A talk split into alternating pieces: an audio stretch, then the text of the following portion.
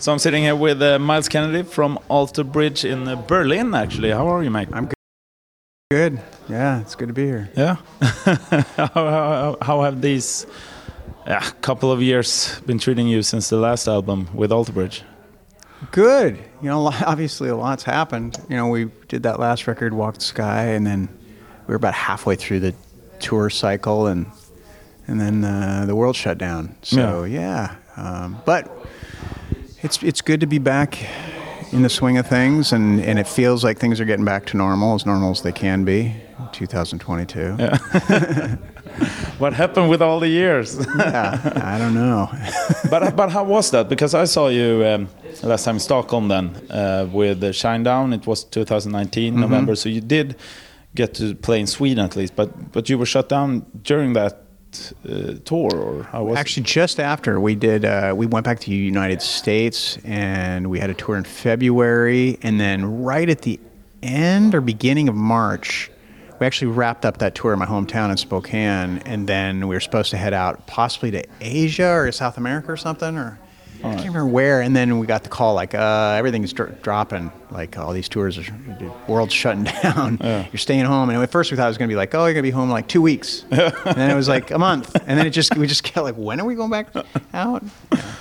How, how did you treat that time though? Did you do like some people got a, like an extra hobby or something, or did you have more time for stuff that you already do? Was it just music? What did you kind of I during wrote, these? I, yeah, I wrote. I made. I made uh, the solo record. I made the Ides of March. Wrote that, and then went into doing a record with Slash and the Conspirators. That kept me busy. Yeah. Um, yeah, it was mainly just creating during that whole period. But I did try to learn how to be a photographer. I was horrible at it. So. okay, yeah. I tried that. I tried my hand at that. I got this fancy camera and everything, not just collects dust. well, you tried. I tried. It was a valiant effort. so now a new album with Alter Bridge coming out, uh, Pawns and Kings. Um, tell me about the work with this one.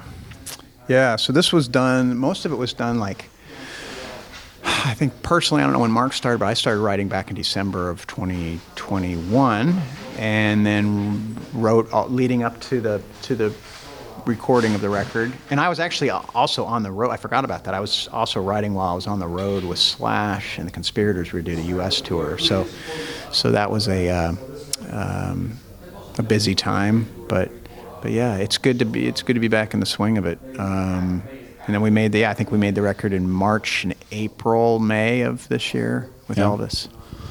And how does this the writing sessions look with you and Mark? Kind of like how do you two work together? It's a little different than the way it used to be because we used to get in the same room together and you know play all these riffs or melodies and what do you think of this and does this go with your part and so on. So it was kind of like a I don't know how to describe it. It was just a, it was, it was kind of like puzzle, like sonic puzzle pieces, and then we'd bring our our separate pieces together, you know, musical ideas together and make these songs.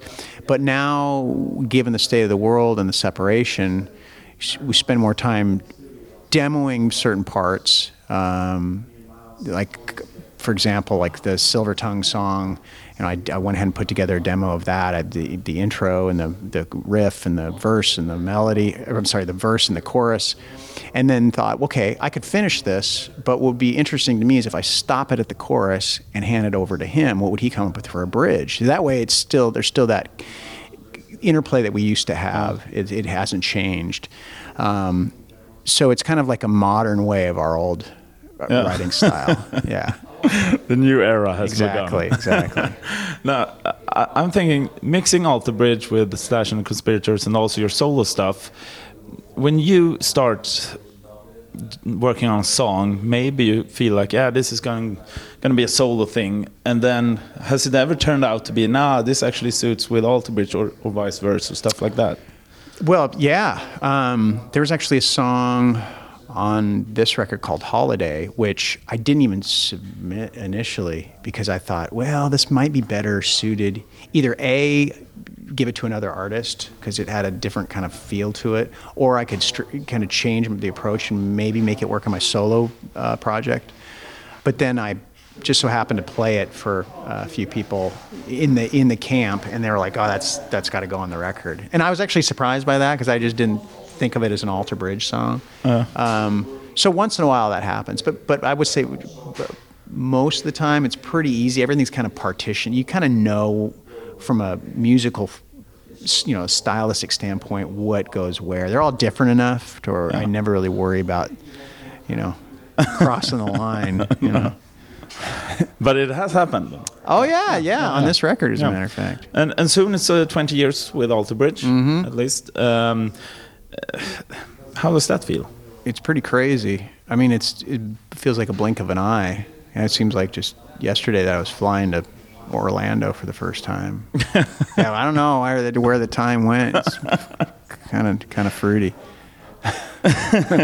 And going back further, is it true that you were in like a, air guitar band? yeah, airband. Yeah, Yeah, it is. That's how I started. Yeah? way back in the in the '80s, I was just this little kid, and I'd come home from school, and it would started with a t- as a tennis racket in front of a mirror, rocking out to the Scorpions and Judas Priest. Awesome. And then, and then I had a friend in my dad's church who who who cut out a, a- a guitar out of plywood, and. And then that became, and I still have that guitar. It's in my basement. Oh, really? Yes. And what's crazy is I play that thing so much that the oil from my fingers is still on the what was supposed to be the neck. Yeah. And so it's, it's it's like kind of black all the way up from this little kid's hands. Now either I played it a lot or I just never washed my hands. It's one of the two. Uh, but but yeah, it was. It then evolved. It was, so what happened is I was I, we went on a camping trip with my my family and I was like 14 and my friends and I we started putting together these little shows uh, for our, for our friends airband shows, and it was fun. You know, we would dress up and, and rock out, and it was, it was it was great. And then my stepdad, he was building the campfire, listening to me talk about how excited I was about this upcoming airband show, and he just kind of drops the logs, you know, as he's trying to start the fire, and he just turns around and kind of looks at me disgustedly and says, uh. "Son, why don't you just learn how to play for real?" and I was like, "That's a great idea." Boy, did they regret that discussion. Because tr- I kid you not, the next camping trip that we tried to have, they, yes, Okay. I would not go without. I, I wouldn't leave without that guitar. It was a real source of oh, contention. yeah. Oh, also, I'm wondering, have you ever heard rumors about yourself that isn't true? Oh, sure. I mean, I sure don't we all hear weird rumors about ourselves? Like, Anyone that you remember? oh gosh, what was one that I could remember that I could t- t- speak of on air without getting in trouble? They're usually pretty inappropriate, and it's for me, it's just it kind of cracks me up. And what it did is it made me realize anything you hear like like in a tabloid or in the media, you're like it made me realize how much of it probably isn't true because. No, I wasn't abducted by by a UFO. Oh, so that was a rumor. no, but it sounds good, doesn't it? yeah.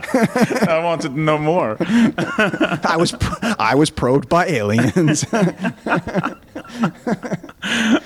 Uh, I also, during my interviews, always ask because of the name of our radio station, uh, what makes a rock song a classic? What does it need? Hmm.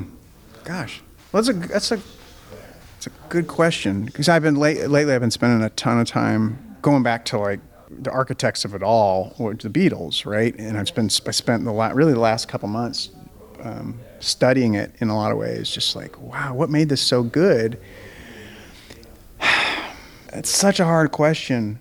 I mean, I think that the guitar part, you know, like the riff or something, you know, obviously memorable in that department, um, and a good melody, something, a good hook.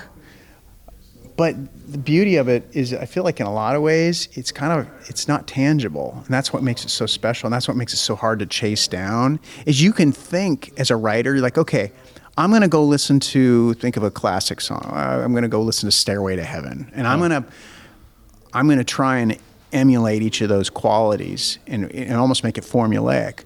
But what you learn after trying that and falling on your face time after time is it's like it's not that it's not that simple, and a, a lot of it is purely catching lightning in a bottle. It's it's it's almost as if the universe just decides when it's going to drop that on you. Yeah. And some people are better at being conduits than others. You know, the kings of it would be guys like Paul McCartney and John Lennon and Jimmy Page and you know Keith Richards. They, for whatever reason, they have that ability to extract that that thing from the universe and and, and put out tons of classics. And the rest of us scratch our head and go, "How did they do that?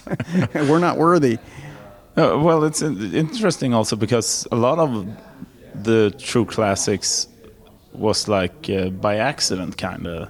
Smoke on the Water, they didn't think that that wasn't even going to go on the album and stuff Right. like that. That's so, a good point. So maybe there's something there. Yeah. That's a good point.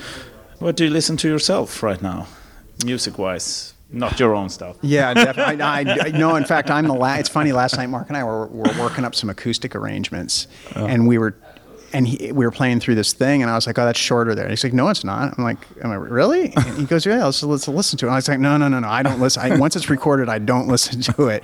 I can't. I can't stomach listening to a record once it's done. I'm, I'm funny that way." Um, what do I listen to? Well, I've been I've been listening to a ton of Beatles. Uh, like my wife, it's driving my wife freaking crazy.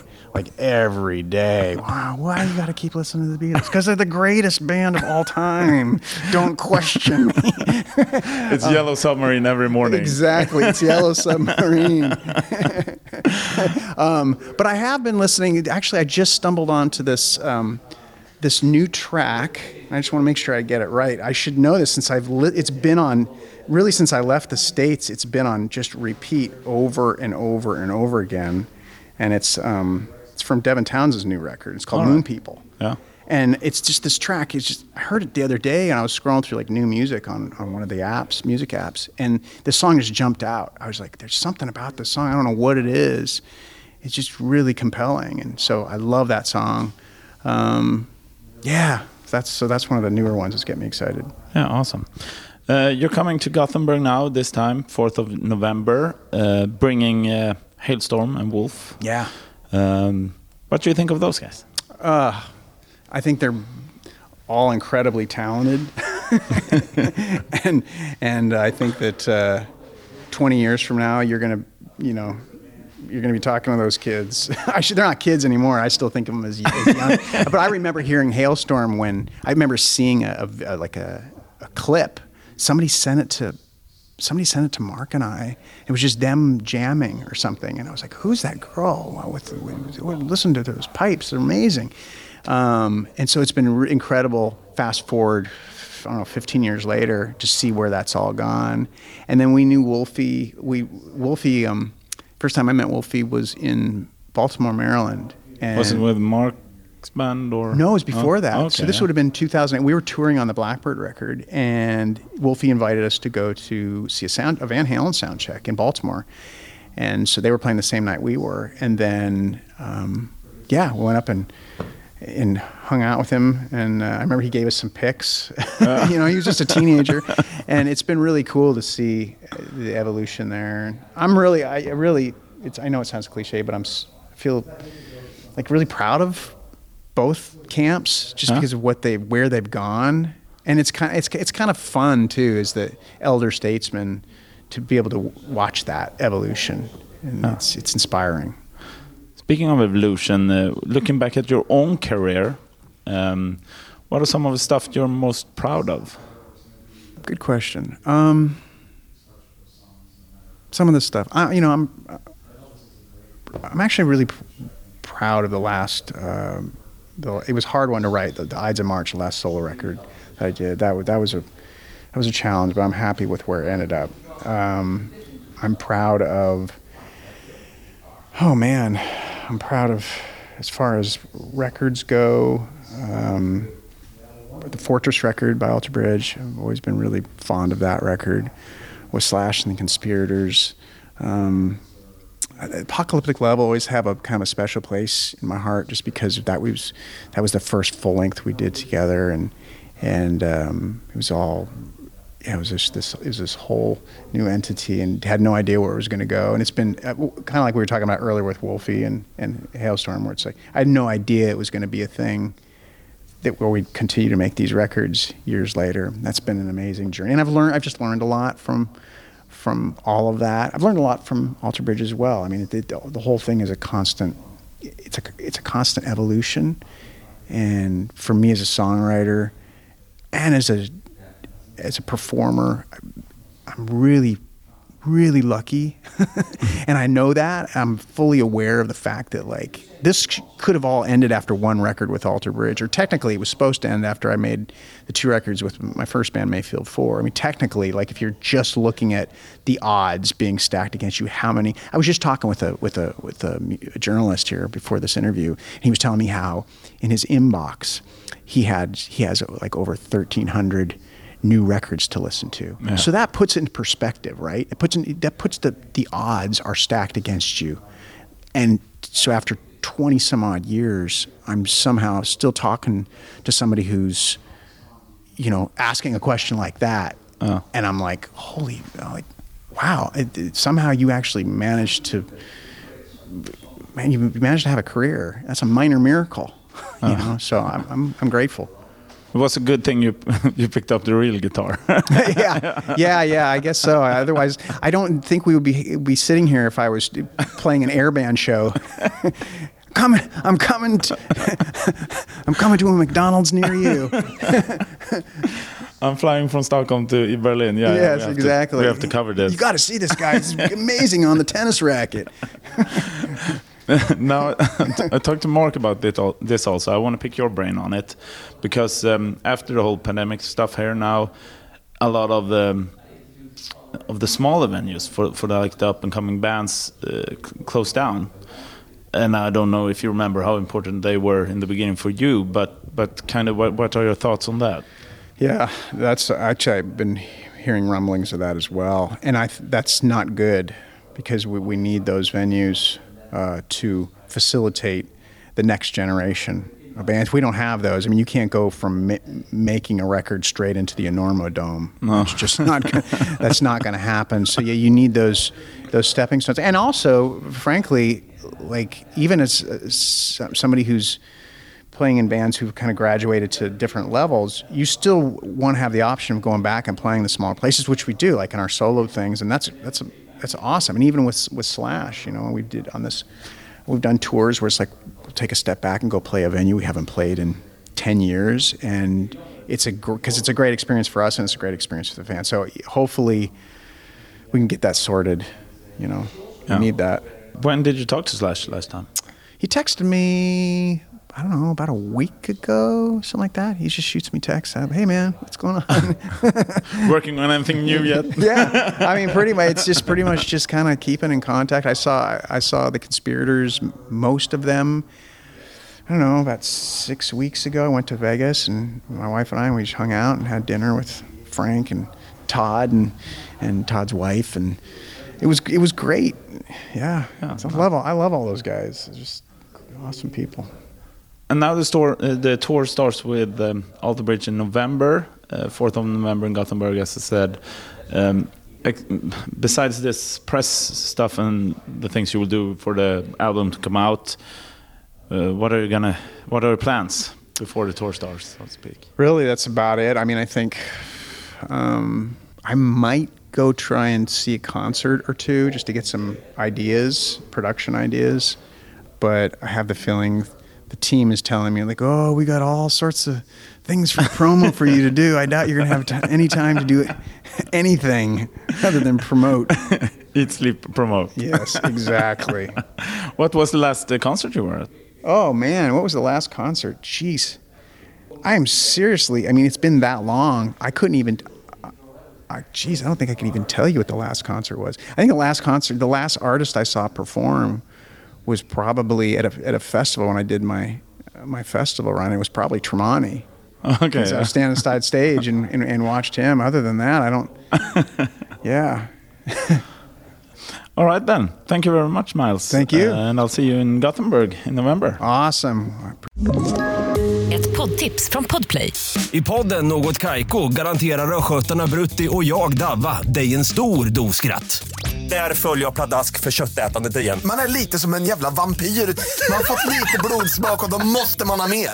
Udda spaningar, fängslande anekdoter och en och annan arg rant. Jag måste ha mitt kaffe på morgonen för annars är jag ingen trevlig människa. Då är du ingen trevlig människa, punkt. Något Kaiko, hör du på Podplay. Därför arkadeinerna.